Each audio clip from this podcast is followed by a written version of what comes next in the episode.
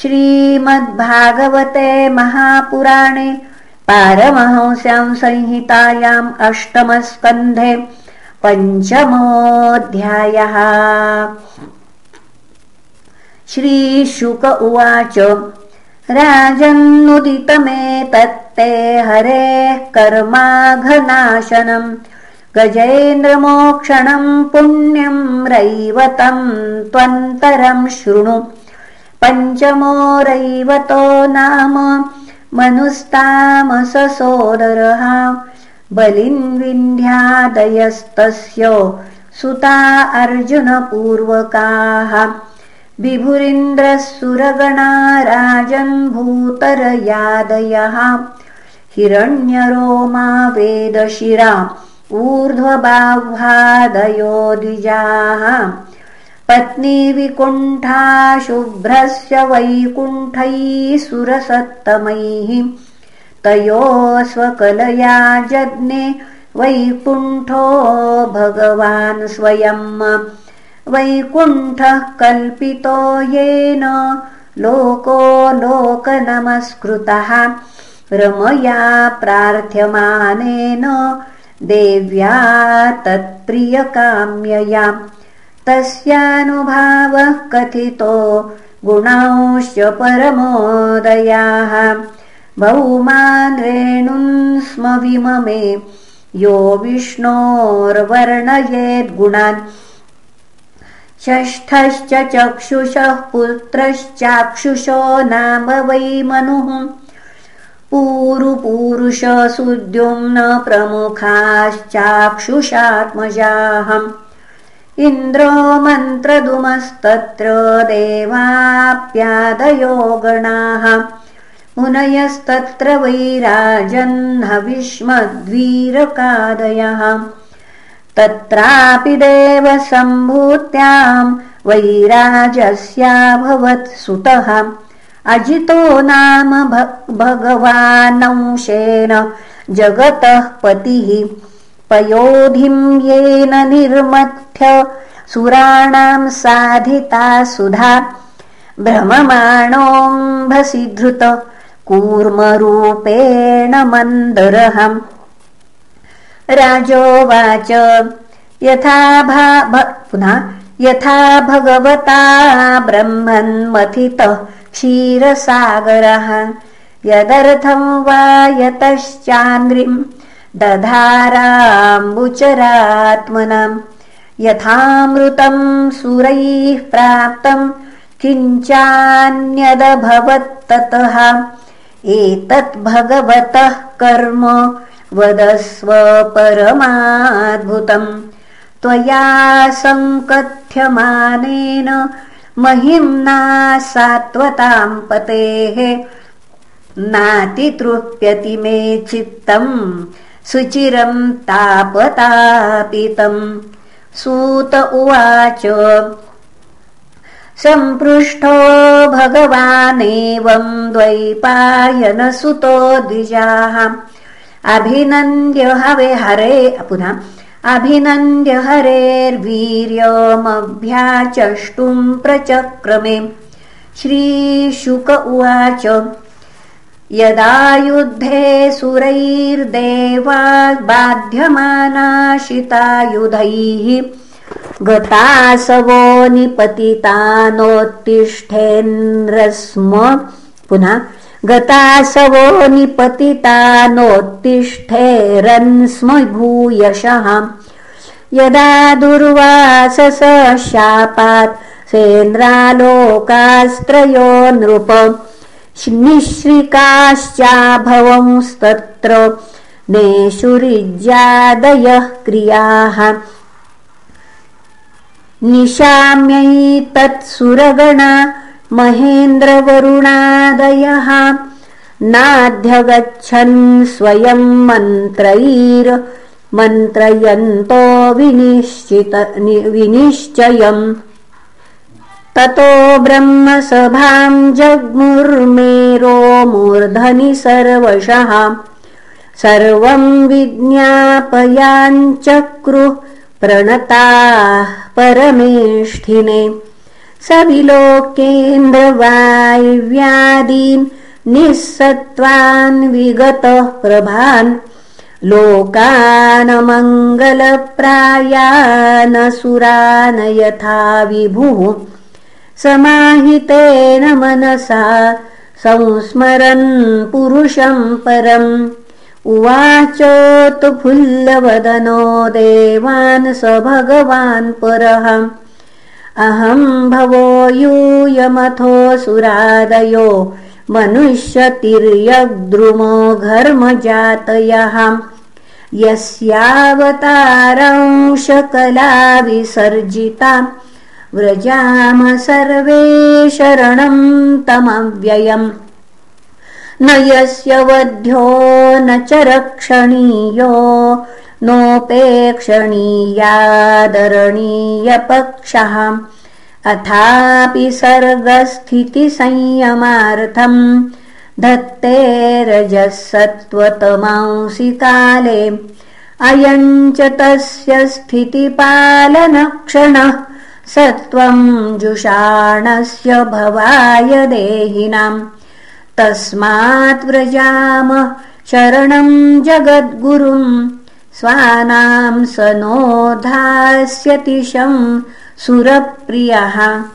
श्रीशुक उवाच इत्याभाष्यसुरान्वेधाः सह देवैररिन्दमम् अजितस्य पदम् साक्षाज्जगाम तमसः परम् तत्रादृष्टत्स्वरूपाय श्रुतपूर्वाय वै विभो स्तुतिमब्रूतदैवीभिर्गीर्भिस्त्ववहितेन्द्रियः।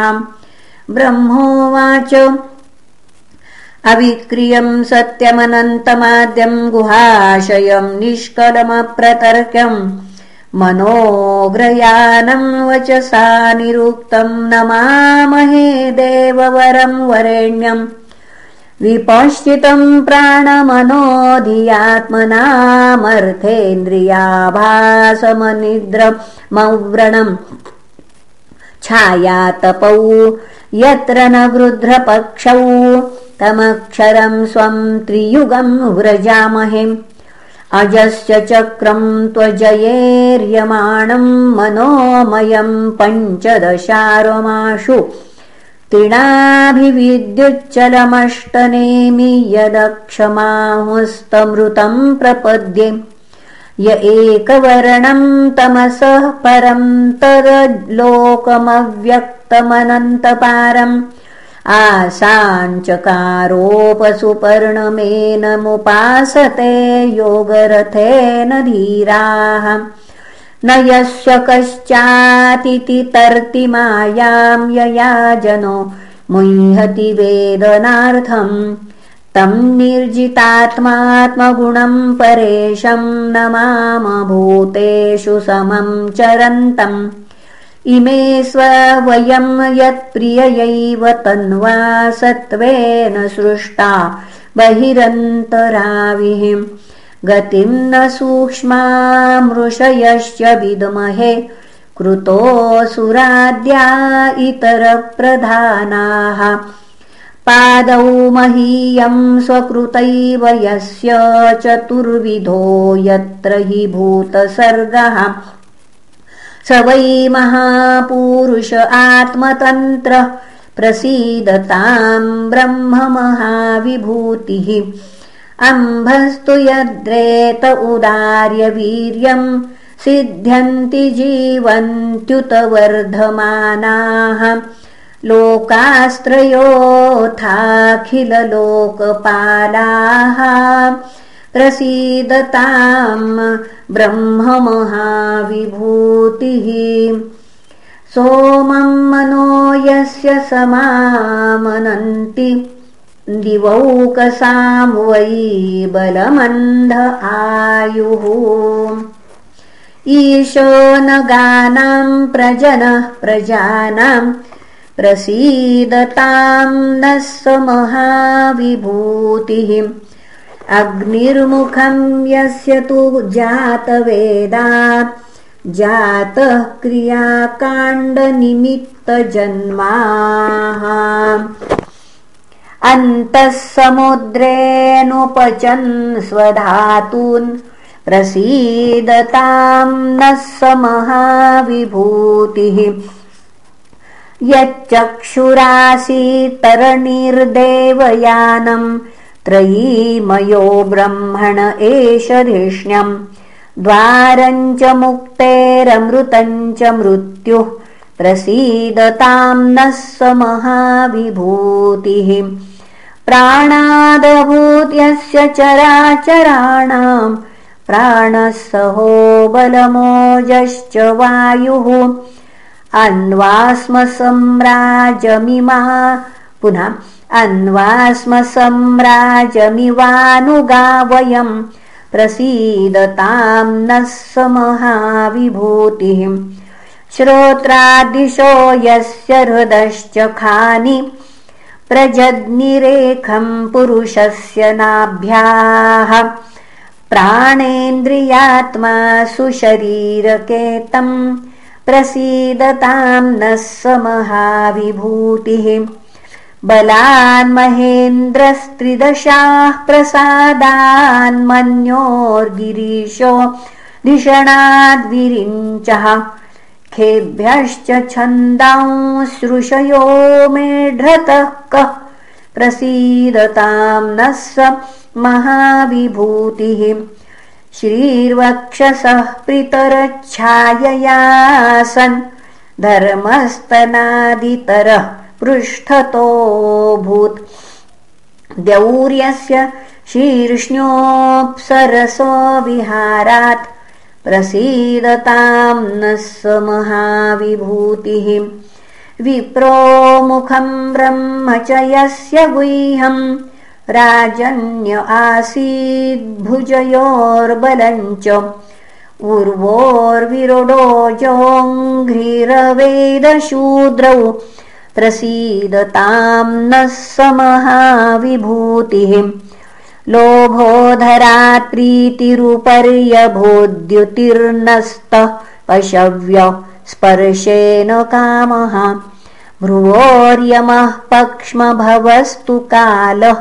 प्रसीदताम् नः स महाविभूतिः द्रव्यम् वयः कर्मगुणान् विशेषम् यद्योगमायाविहितान् वदन्ति यद्दुर्विभाव्यम् प्रबुधापबाधम् प्रसीदताम् नः स महाविभूतिः नमोऽस्तु तस्मा उपशान्तशक्तये स्वाराज्यलाभप्रतिपूरितात्मने गुणेषु मायारचितेषु वृत्तिभिर्न सज्जमानाय नभस्वदूतये। सत्त्वम् नो दर्शयात्मानमस्मत्कर्णगोचरम्। प्रपन्नानाम् दिदृक्षूणाम् सस्मितन्ते मुखाम्बुजम्। स्तैस्तैः पुनः तैस्तैः स्वेच्छाधृतैरूपैः काले काले स्वयं विभो कर्म दुर्विषहं यन्नो भगवांस्तत्करोति हि क्लेशभूर्यल्पसाराणि कर्माणि विफलानि वा देहिनां विषयार्तानां न तथैवार्पितं त्वयि नावमः कर्मकल्पोऽपि विफलायेश्वरार्पितः। कल्पते पुरुषस्यैष स ह्यात्मा दयितो हितः। यथा हि स्कन्धशाखानाम् तरोर्मूलावसेचनम्। एवमाराधनम् विप्रो सर्वेषामात्मनश्च हि नमस्तुभ्यमनन्ताय दुर्वितर्क्यात्मकर्मणे निर्गुणाय गुणेशाय सत्त्वस्थाय च साम्प्रतम् इति श्रीमद्भागवते महापुराणे पारमहंस्यां संहितायाम् अष्टमस्कन्धे अमृतमथने पञ्चमोऽध्यायः। श्रीकृष्णार्पणमस्तु हरये नमः हरये नमः हरये नमः